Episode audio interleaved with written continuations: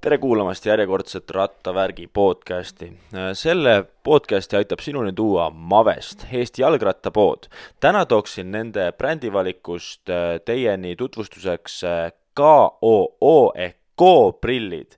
Nende valikus on spordi, mäesuusa ja MTB prillid, lisaks lai valik isikupäraseid prilliraame ja klaase. KOO sündis Itaalias ja on oma innovaatilise ning ülistiilse disainiga tõusnud kiiresti maailma tippu ja vallutanud spordisõprade südamed. KOO ehk Go prille kasutatakse tippurjetajatest kuni UCI profitiimideni. kae perra www.mavest.ee. nüüd aga episoodi juurde nii, oleme siis äh, järjekordses äh, rattavärgi podcastis, seekord on mul külas äh,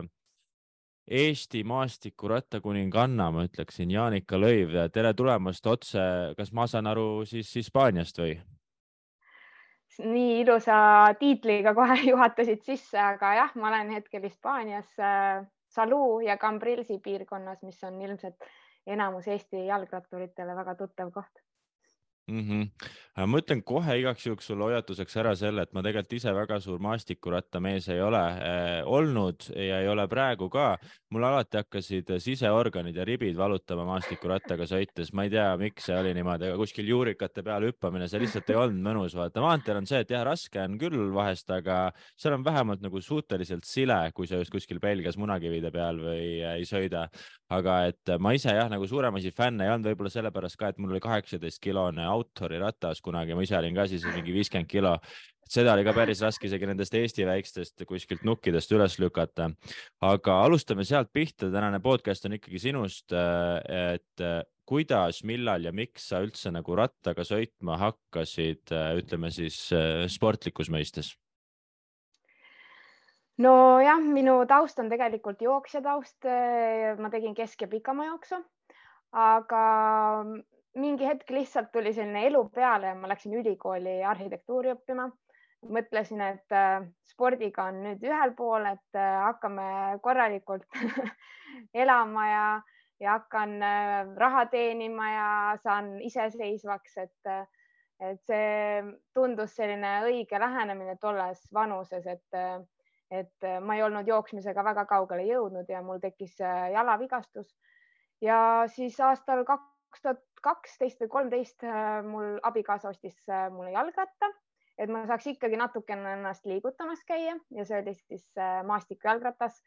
Ähm, ja ma otsustasingi, et ma esimese, esimese hooga nii-öelda käingi lihtsalt spinningus ja käin metsas sõitmas, et ega mul suuri plaane otseselt ei olnud. ja kuidagimoodi ma isegi ei tea, miks, aga ma sattusin kaks tuhat viisteist Eesti meistrivõistlustele Ikssoos ma mäletan sellest äh, kõige eredamat seda, et ma kukkusin Rakveres siis äh, treeningus, ma ei tea, viissada meetrit stardist oli hüpe ja kukkusin lihtsalt nägu ees sealt alla ja äh, lõin omal väga tugevalt näo, hamba ja nina siis ära, et aga pärast seda ma läksin edasi, mõtlesin, et jumala äge asi et, et ma küll ma selle ära õpin, et et äh, ja need olidki siis äh, mul esimesed Eesti meistrivõistlused, kus ma, ma arvan, et ma olin Eesti naistest äkki kuues, seitsmes, kaheksas, kuskil seal igal juhul poodiumi peale mul asja polnud, ma sõitsin ainult B-liine äh, ehk siis Eestis öeldakse need chicken line'id mm. välismaal ei ole chicken line, on A ja B-liinid, et ja siis millegipärast mulle tundus, et see sobib mulle kõige paremini, sellepärast et ta oli võib-olla selle jooksmisega sarnane, et äh, ma jooksin kesk- ja pikamajooksu, mis oli ka, jäi sellisesse tund ja natukene rohkem vahemikku, näiteks poolmaratoni, et, äh, et see distants mulle sobis ja mulle meeldis see vaheldus ja selline adrenaliin just, mida jooksmises ei olnud, et, et ma võib-olla olen natukene sihuke elavam, kui tegelikult jooksjad on sellised hästi rahulikud. et ähm, ja kaks tuhat kuusteist siis oli äh, Riio olümpia äh, aasta, kui äh, tuli siis see selgem visioon ja plaan, et, et Eesti sellest väiksest tiigist välja minna, võtta julgus kokku, teha see samm, et mitte lihtsalt olla harrastussportlane, vaid pühendada kogu oma elu tegelikult spordile. tollel hetkel ma ju professionaal ei olnud, et pidin seda kõike tegema töö ja vahepeal ka kolme töö kõrvalt, et raha teenida, et aga jah, ütleme, et selline murranguline aasta oli kaks tuhat kuusteist, kui ma lihtsalt vaatasin olümpiamänge ka ja mõtlesin, et kui ma nüüd tahan midagi saavutada veel, siis on viimane aeg ennast kokku võtta. okei okay., ennem kui me jah edasi liigume, mul on jah, sa ütlesid, mainisid, et noh, et jooksmine on jah, selles mõttes sarnane ala, et pikkuselt kestvusala mingis mõttes, eks ole, aga mis on täiesti teistmoodi, on ikkagi see, et joostes sul tegelikult ei ole noh, tehnikat on vaja, aga see on hoopis teine mõiste, mis on jalgrattaspordis ja eriti nagu maastikus, et mulle tundub nagu, et jah, et kui sa tuled nagu maanteele, sul on hea mootor, siis see üleminek on kuidagi palju lihtsam, aga maastikus sa pead lisaks nagu jah, sellele, et sa pead lihtsalt väga tugevaks saama jalgrattaga sõitmises, sa pead olema ka tehniliselt väga osav, nagu sa ütlesid, et sa alguses ka ei olnud. et kuidas nagu see klõks sinu jaoks käis või kas sulle, kas sulle nii-öelda see ekstreemsport siis hakkas meeldima, et see selles mõttes maa, minu jaoks nagu maastiku sõitmine ikkagi on ekstreemsport, sest ma arvan, et kui ma täna peaksin minema ühele nendele radadest, milles, millel sina iga päev võistled või treenid, ma arvan, et ma nagu kõnniks seal võib-olla pool maad. Eh, jah, sellepärast, et ma ei saa hakkama või siis, et ma ei julge alla sõita, aga et seleta natuke seda, kuidas sina selle vastu võtsid. no mul on veel selline huvitav taust, et eh, ma käisin äh, teismeeas väga palju läbi BMX-i poistega, nii et ma olen skatepargis päris palju aega veetnud ja ja näinud seda kõike kõrvalt ja eks ma ise ka proovisin ikkagi seal sõita ja, ja ma arvan, et mul on ka väga hea selline äh, taust, kuna ma noorena tegin väga palju erinevaid spordialasid, et äh, läbi oma isa, et et siis mul niisugune koordinatsioon, liikumine, enesetunnetamine, et see on mul tegelikult päris hea olnud äh, juba lapsest saati, et, et aga, aga tegelikult ei ole olnud see üldse, see üleminek ei ole olnud üldse lihtne, et et nagu sa ütlesid, siis ähm, jooksult jalgrattale minnes on esiteks muidugi see lihas on täiesti erinev, et mis esialgu ei võtnud neid koormusi üldse vastu, et, et ma omaette naerangi, et kui ma tegin siin tund aega trenni, et mis tund aega jooksmist, tundus mulle palju lihtsam kui tund aega rattaga sõitmist, kuigi ratta peal sa said tirri lasta või mis iganes, et aga see lihas ei olnud sellega üldse harjunud, et et äh, ja noh, lisaks siis see tehniline pool tõesti, mida ma tänaseni tegelikult aitan järgi, et, et võrreldes äh, nende noortega, kes alustavad, ma ei tea, kaheksa-aastaselt maastikujalgrattaga sõitmist ja on nii osavad, et, et äh, mul on ikka väga suur veel arengupotentsiaal sealt, et, et aga ma olen iga aasta väga palju sellesse panustanud. sellel aastal on mul eraldi tehnikatreener Hispaanias, et ähm, see tuleb vaikselt ja ma arvan, et kõige rohkem ongi see tulnud sellest, et ma olen hästi palju võistlema pidanud just äh, punktide kogumise tõttu. mul on iga nädal uus rada, kus ma põhimõtteliselt võistlen ja pean selle ühe-kahe päevaga nii-öelda selgeks saama, et äh, kuidas hüpata, kuidas ähm, rokkgardenist alla tulla, kuidas ähm, kiiremini hoogu kuskilt äh, kurvidest edasi kanda, seda momentumit, et et selles mõttes ähm, lihtsalt ongi nagu kogu aeg mind visatud äh, sellisesse, ütleme uude situatsiooni vette, kus ma pidin lihtsalt ujuma õppima, et, et mm, -hmm. et nii see on tulnud lihtsalt. mulle jäi silma või kõrva see, kui sa praegu ütlesid tehnikatreener, mida see tähendab, mida sa õpid siis, kas sa ukerdadki kuskil puude vahel või mida see tähendab? no minu puhul tähendab see seda tegelikult päris äh, basic ust alustamist, et et ähm, õpid, õppida lihtsalt tunnetama ennast äh, jalgratta peal, kuhu hoida oma raskust, äh, sest et äh, maastikujalgrattal ei ole siis ütleme nii-öelda ainult vertikaalne liikumine kehaga, vaid on ka diagonaalis või siis horisontaalne liikumine sadula peal, et, et sa pead lihtsalt nii-öelda täiesti, no mina õpin seda siis täiesti nullist, et, et aru saada kus ma asetsen selle ratta suhtes äh, ja seda tunnetust äh, siis kõige rohkem rattaga. aga muidugi ka kõik siuksed hästi lihtsad äh, harjutused nagu kurvide võtmine täiesti nende koonuste vahel, mida lapsed teevad ilmselt või siis kohapeal, ma ei tea, seismised, tasakaaluharjutused, et kõik selline, ütleme, basic, mida siis võiks niisugune kümne, kaheteistaastane laps osata muidugi tähendab see minu puhul ka siis tehnikatreeneriga äh, raja peal siis äh, vahetult enne võistlust äh, nii-öelda koos sõitmist, tema kas siis näitab mingeid osasid ette, suunab mind, et kuidas paremini mingites kohtades nii-öelda kiirust hoida ja muidugi ka nende nii-öelda sõidujoonte vaatamine, mida ma üksinda ei oska nii hästi valida. Äh, siis tema näitab, et äh, nii-öelda, kuna temal on kogemust rohkem, siis ta näitab, et, äh, et millised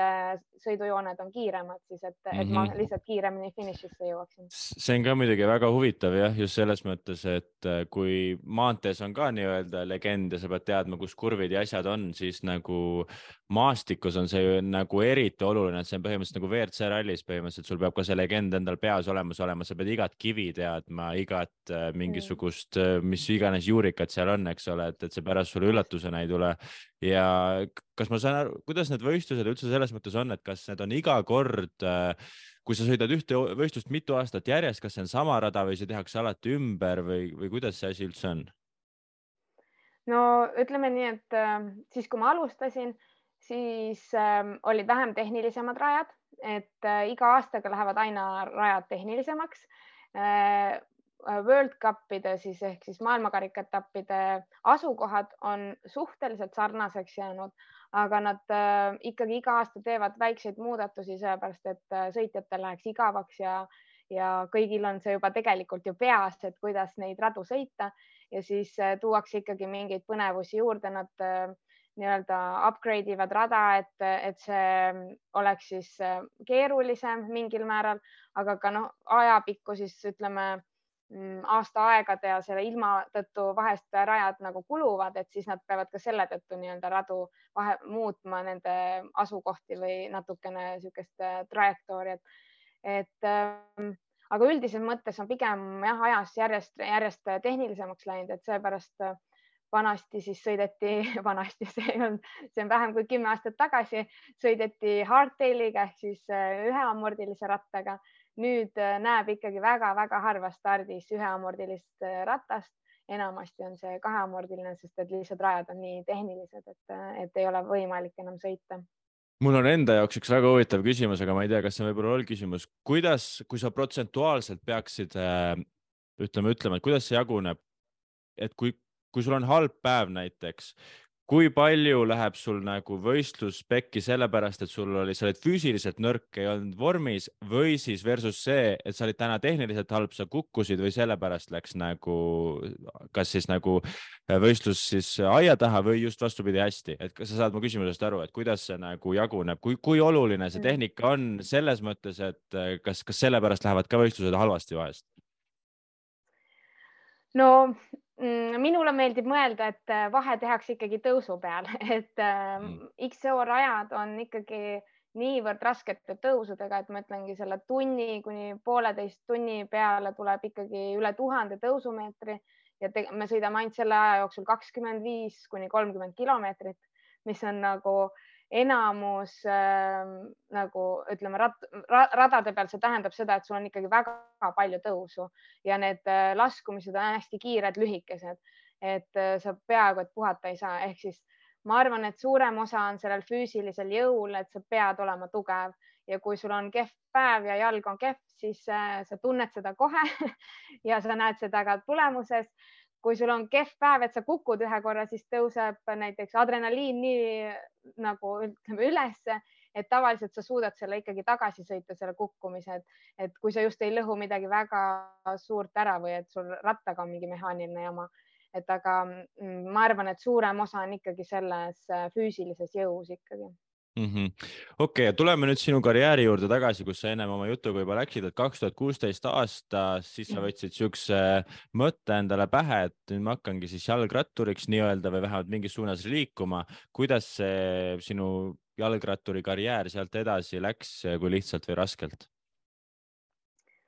no ma arvan, et see algusaastad on hetkel nii-öelda positiivsemalt meeles, kui, kui nad mhm. päriselt tollel hetkel olid, et et äh, väga raske algus oli, sest et mul ei olnud ühtegi sponsorit. ma tegin äh, tööd ühel kuni kolmel ette, kolmele ettevõttele, et raha teenida lihtsalt, et endale ratas osta. Äh, ma kolisin Eestist ära. ma võtsin küll oma koera ja abikaasa kaasa, aga ülejäänud pereelud ja kõik oma sõbrad ma pidin maha jätma minu jaoks tähendaski seda, et, et ma tegelikult pühendun täielikult, et, et mul on see julgus, et, et mul ei ole garantiid, et ma saan maailma parimaks või maailma parimatega sõita, et aga, aga ma võtan nüüd selle julguse kokku ja, ja ütleme siis loobume sellest mugavast Eesti elust, et, et ja, ja minu sihuke suur eesmärk oligi see, et, et ma ei taha tegelikult Eestis võita või et ma ei, minu, ma ei tahtnud nii-öelda seal Eesti konkurentidega sõita, et ma tahtsin Yolanda Neffi või, või mõnda maailma nime nii-öelda võita. Et äh, seega ma siis äh, kolisin Hispaaniasse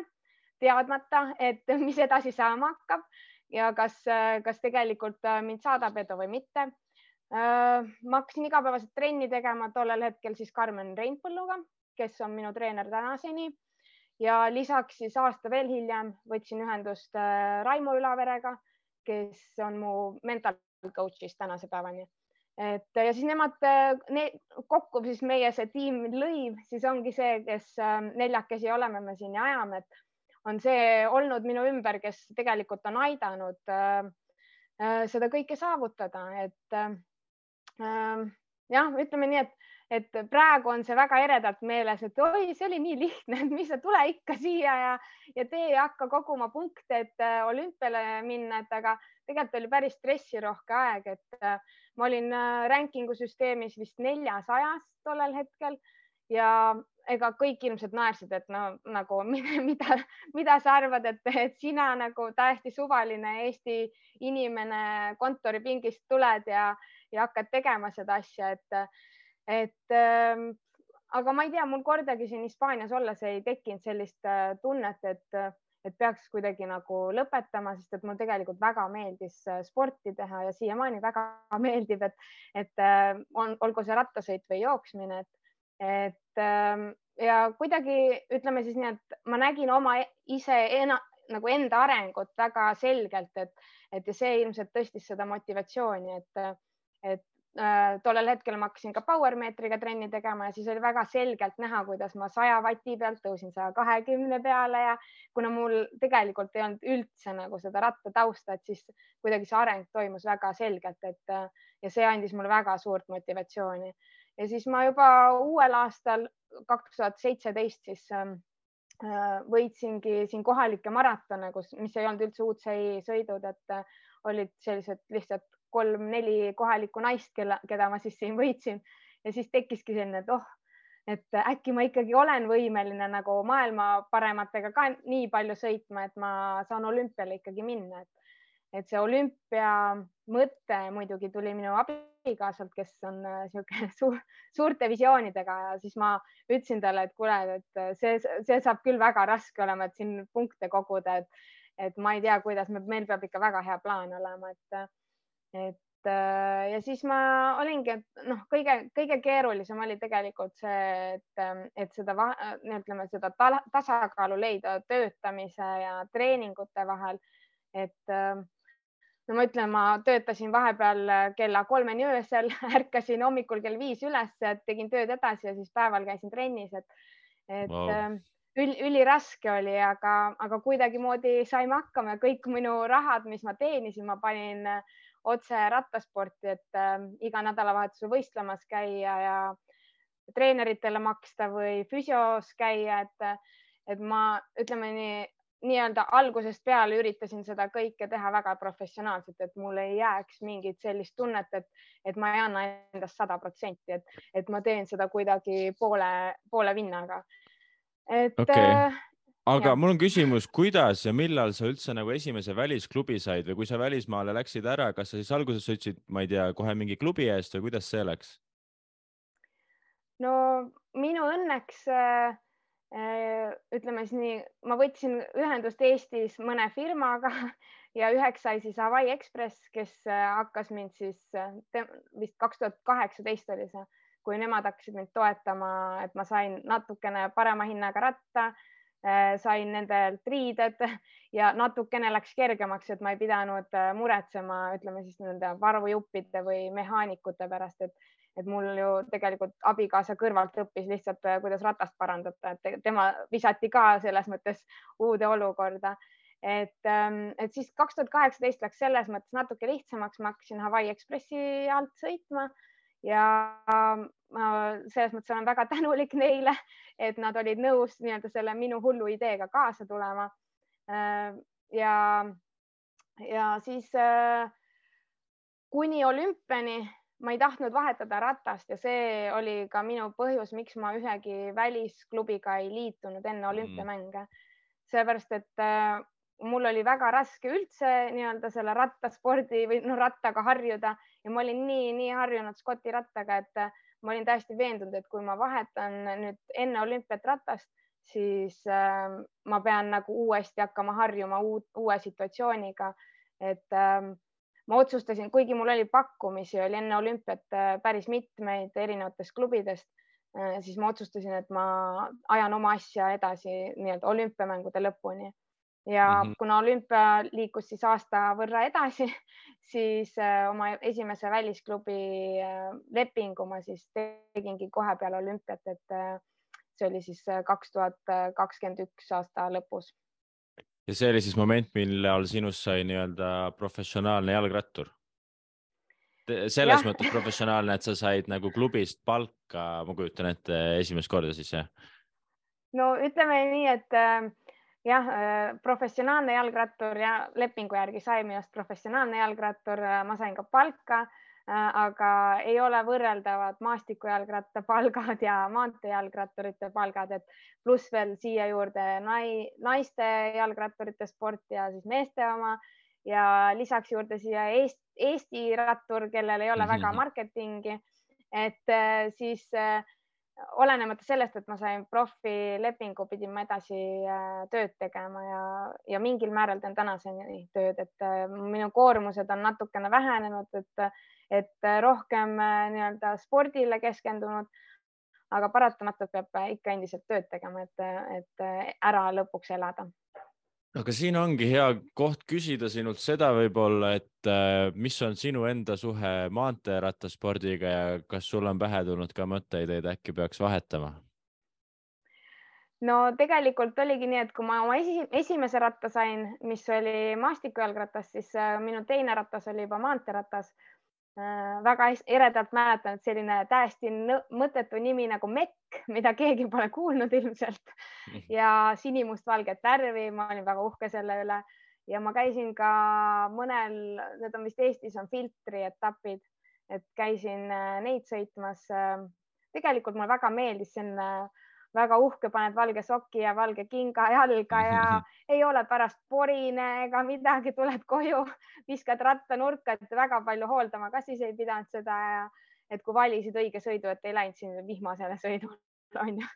et ja ma mäletan isegi, et Võrus oli veel see üks etapp, kus ma tulin isegi poodiumile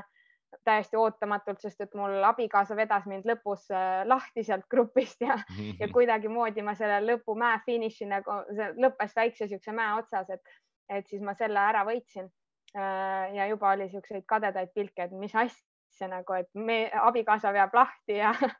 ja siis ma sain aru, et, et Eesti ei ole see koht, kus mina võistelda tahan, et aga, aga tänase päevani ma tegelikult ju teen, ütleme nii nüüd aina väheneb, et aga ütleme, seitsekümmend protsenti oma treeningutest äh, ma maanteerattal ja, ja mulle väga meeldib maanteel sõita ja on mõtteid erinevaid, et, äh, et võib-olla üks päev proovida maanteel sõitmist ka. Ähm, eks näis, kas see kas saab sain, olema eraldi ma... või grupisõit okei okay,, kas ma kuulsin õigesti, seitsekümmend protsenti on maanteel ja kolmkümmend on siis nagu maastikurattaga? Ja ütleme nii, et no talvel on ikka protsent suurem, et talvel ma sõidan vist üheksakümmend protsenti maanteerattal. suvel muidugi vähem jälle, et aga ütleme et see niisugune keskmine on umbes seitsekümmend, et ma see aasta olen kõige rohkem üritanud seda ikkagi maa, maastikuratta nii-öelda protsenti tõsta, sest et väga palju oleneb sellest rattatunnetusest, et sa teaksid, kuidas just sellesse oma maastikujalgrattasse seda jõudu rakendada, et et ja kõik need äh, treeningud lähevad rohkem ja rohkem spetsiifilisemaks, et siis äh, see aasta on see kindlasti vähem, et, et ma see aasta proovin rohkem sõita maastikul. palju sul näiteks eelmine aasta maanteekilomeetreid tuli, kas sa tead? mul on kilomeetreid väga vähe ma ei loe kilomeetreid üldse, sest et Hispaanias on ju nii mägine, et, et mul tuleb äh, selles mõttes keskmine kiirus on madal, aga ma arvan, et äh, kokku võib-olla aasta peale on mul umbes viisteist, kuusteist tuhat kilomeetrit äh, nii-öelda nii maantee kui maastikurattaga kokku siis. okei okay,, nojah, selles mõttes see on ikkagi väga selles mõttes suur number, et jah, ja mitte või võrreldav maantee omadega, aga ikkagi huvitav teada selles mõttes, kuidas see vahe on ja minu jaoks on, oli väga suur üllatus ka, ma oleks pakkunud, et see protsent on täpselt vastupidi, et ikkagi nagu enamus aja oled maastikuratta peal ja siis maantee peal. Aga väga huvitav, mul on veel ikkagi mõned küsimused, kuna ma ei tea paigist mitte midagi, siis äh, vaatasin äh, MTB data sihuke lehekülg on, kus ma siis näen äh, tulemusi, eks ole, ja ma näen, et viimasel neljal võistlusel on sinu positsioon olnud esimene, et sa oled kõik need kinni pannud. seleta mulle ära, kuidas paigis siis jagut, jagatakse võistlused kategooriatesse, ma näen, et siin on cross country olümpik, kas see ongi siis mingisugune kategooria, kas see on kõrge, kõrge kategooria, kuidas see süsteem on? no maastikuratas jaguneb siis esiteks äh, maratonid, mis ei ole olümpiaala ja teine osa on siis äh, cross country olümpik, nagu sa ütlesid, olümpiakross, mis on siis olümpiaala. Ja nendel on kahel asjal on eraldi ranking äh, sellest aastast ja mina siis sõidan äh, üldjoontes äh, olümpiakrossi, aga ettevalmistusperioodil ma sõidan ka vahepeal maratone, et, et lihtsalt oma põhja nii-öelda paremaks saada ja niisugust tempotrenni teha. ja siis äh, olümpiakross jaguneb siis kõige kõrgem tase on siis äh, nii-öelda maailmameistrivõistlused äh,. sealt allapoole tulevad siis äh, maailmakarika etapid ja Euroopa meistrivõistlused ja siis tuleb äh, horse kategooria C1 ja C2 ja C3 vist on ka, aga C3 toimub väga vähe üldiselt äh, võistlusi. ja ütleme okay. et need, mida sa viimasena näed, on siis äh, C1-d ja C2-d ehk siis madalama kategooria võistlused, mis üldjoontes on, ütleme siis nii, et kui toimub Hispaanias, siis enamus sõitjad on Hispaaniast. Horse mm -hmm. kategooria võistlused on juba siis need ähm, peab olema vähemalt vist mingi kümme erinevat riiki esindatud, et, et äh, aga noh, nagu näha ka nendel madalama kategooria võistlustel, et mina ei ole Hispaaniast, aga võistlen ka, et siis tihtipeale võib leiduda lihtsalt nii, et, et võistlusel peale Hispaania sõitjate näiteks on Tšehhi sõitjad või äh, on mingid Ukraina sõitjad või mingid äh, muude, muude riikide sõitjad siit ka. et aga need on jah, kõige madalamad kategooriad hetkel äh, Hispaania tase kindlasti ei ole äh, nii tugev, selle tõttu ma ka olen või, võimeline siin ütleme nii, et igas asendis võitma, et mul viimasel võistlusel oli väga suur äh, tehniline probleem, mul ei töötanud ükski käik, nii et ma sõitsin viimase võistluse ühe käiguga wow. ja ikkagi suutsin võita et see, see näitab, et see tase ei ole väga kõrge. et Eestis ka korraldati üks aasta UCI kategooriaga võistlust. Ähm,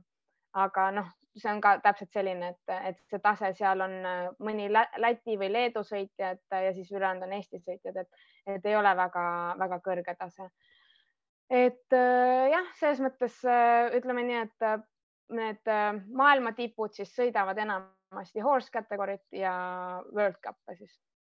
okei okay,, väga huvitav teada, aga siis selles mõttes Hispaania on sulle ka ikkagi hea koht, kus olla, sest et seal on siis palju võistlusi, kus ennast ka nii-öelda vormis hoida ja, ja arendada. Äh, Hispaania on, äh, no ütleme nii-öelda, et hea koht, kus treenida, sest et siin on kõik tingimused äh, täpselt, ütleme ideaalsed siis maastikujalgratturile. aga miks mina just neid väikseid võistlusi teen, on sellepärast et äh, punkte koguda olümpiaks ja need on tõesti head võistlused äh, punktide kogumiseks, et okay. et kui oleks selliseid võistlusi Eestis, siis ma võiksin oma aega rohkem Eestis veeta mm., aga kuna Eestis ei toimu võistlusi, et siis äh, paratamatult mina pean üksinda siin iga nädalavahetus võistlemas käima, et saada nii-öelda olümpiakoha neid punkte, et, et või Eestile siis olümpiakoht tuua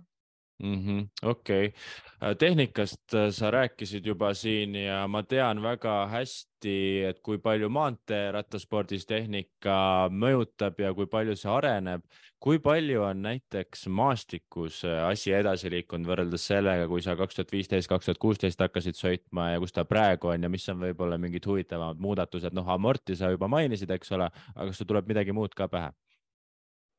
Ja selles mõttes on see minu siis lühikese karjääri, ma olen seitse aastat ainult seda teinud, et selle aja jooksul on ikka väga-väga-väga palju muutunud, et esiteks muidugi rattakaal on igast asjast äh, nii-öelda üritatakse see seitsekümmend grammi või viiskümmend grammi alla saada, et, et äh, ikkagi mäest oleks lihtsam üles minna. palju on maastiku rattakaal praegusel ajal?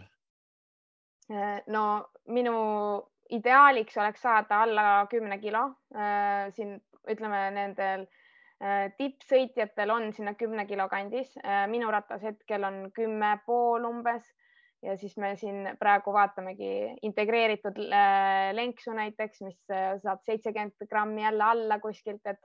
et või pedaalid kergemad või mingid asjad üritate kergemaks järjest, järjest saada, et et ütleme nii, et mina oma kehakaaluga tahaks sõita alla kümne kilose rattaga, aga üsna raske on sinna ikkagi seda ratast äh, nagu nii kergeks saada. Lisaks on hästi suur asi tulnud äh, dropper äh, seatpost ehk siis sadulapost, mis vajub siis alla, kui sa vajutad nuppu ja tõuseb üles tagasi, kui sul on vaja et ähm, see on äh, siis äh, eriti levinud muidugi naiste seas, aga noh, ütleme mehed ka nüüd ikkagi, et, et kui sul ei ole võib-olla nii palju oskusi, aga mm, ütleme siis nii-öelda, et, et see aitab sul siis mingeid kohti nii-öelda paremini sõita, ilma et sa nagu rohkem ennast siis seal ratta peal liigutaksid, et, et sa lased selle alla, mõnda kurvi on kergem võtta Rock Gardenis äh, nii-öelda sõita, sest et sa ei pea oma keha raskust siis nii palju nagu tooma üle näiteks ta, nagu sadula taha ratta peale, et, et äh, paremini sõita, et see on kindlasti üks, äh, üks suur muudatus selle aja jooksul veel. väga huvitav jah, noh jah, maanteemeestele on ka tuttav see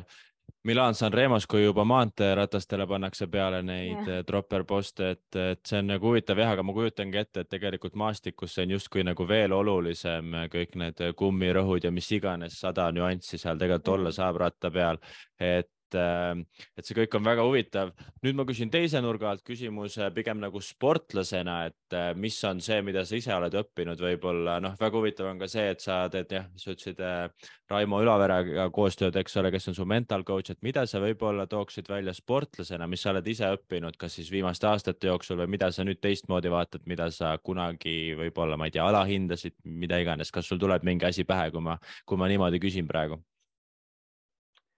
No ma arvan, et see, see mental pool ongi see, mida ma, nagu väga paljud äh, sportlased alahindavad ja mm,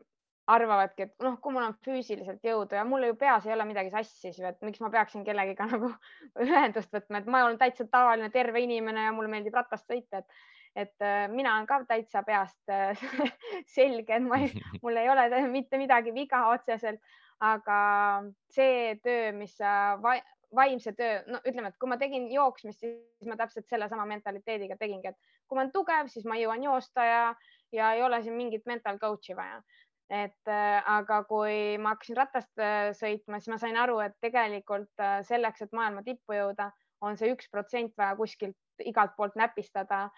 ja see üks protsent äh, tegelikult tuleb sealt muidugi rohkem, ma arvan, vähemalt kakskümmend protsenti oleneb sinu peast ja sellest, kui palju sa valmis oled. et äh,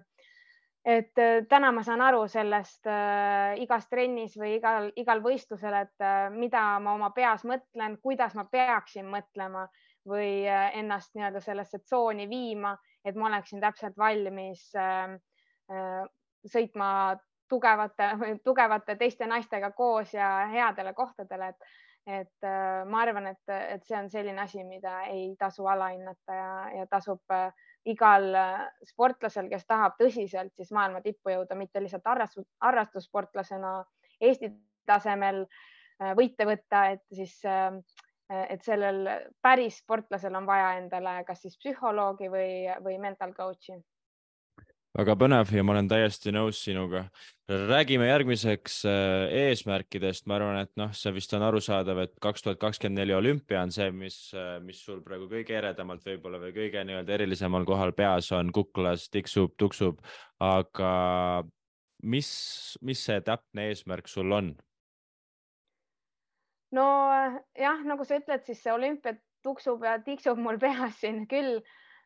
mu elu on selles mõttes päris keeruliseks tehtud, kuna see punktide süsteem on natukene nüüd äh, sellel äh, tsüklil muutunud, siis ei ole üldse lihtne üksinda neid punkte koguda, et ja iga nädalavahetuse jälle võistlema minna, see kulutab ikkagi seda mentaalset energiat, et või vahepeal tahaks ikkagi trenni ka teha, et ja kui ma nii-öelda mõtlen, siis olümpial ju mul tegelikult on käidud, et, et ma ei tahaks minna olümpiale lihtsalt, et ma lähen jälle olümpiale et ma tahaksin olla tõesti selleks valmis. nii kui ma Tokyos ähm, stardijoonel seisin, siis ma värisesin, mõtlesin, et kuidas ma siia jõudsin, ma ei tea. et aga, aga see on nagu nii selline eriline tunne oli ja ma olin väga-väga närvis, sellepärast et nüüd, äh, kui ma uuesti peaksin Pariisi jõudma, siis, äh, siis ma loodan, et ma olen selleks rohkem ette valmistunud ja, ja suudan seal parema kohe välja sõita. et aga jah, nagu ma ütlesin, et see ei ole minu nagu ekstra eesmärk, et ainult olümpiale minna, et, et ma tahaks ikkagi äh, iga-aastaselt mingisuguse äh, sellise, siis olen endale iga aasta sellise eesmärgi seadnud, mis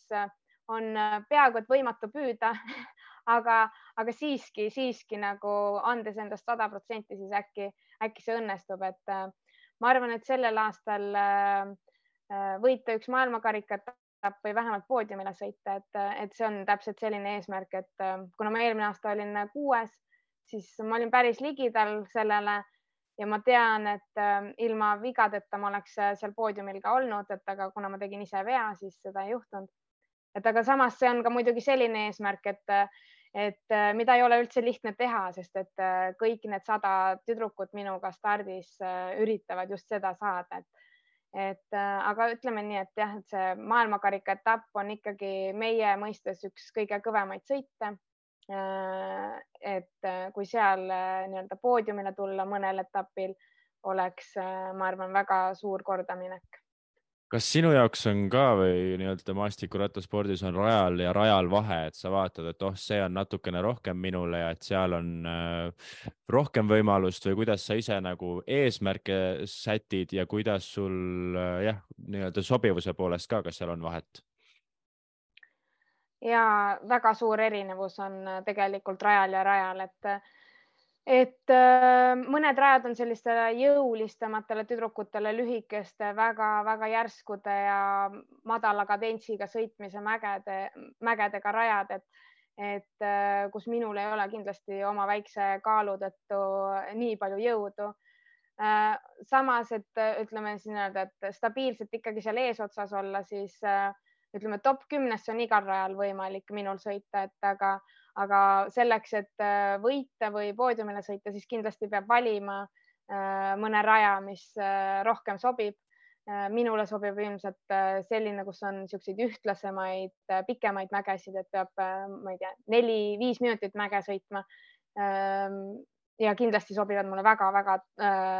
kuivad ja kuumad tingimused, sest ma olen lihtsalt Hispaanias sellega harjunud väga põnev, kuule, mul hakkabki kahjuks äh, selle Zoomi tasuta aeg otsa saama, nii et me peame oma podcast'ile äh, joone alla tõmbama, aga ma sain väga palju targemaks ja see aeg läks lennates, nii et suured tänud sulle ja ma soovin sulle väga edukat hooaega ja ka järgmist punktide kogumist olümpia suunal. aitäh sulle ja ma annan endast parima. Okei okay,, kõike head, tšau 加油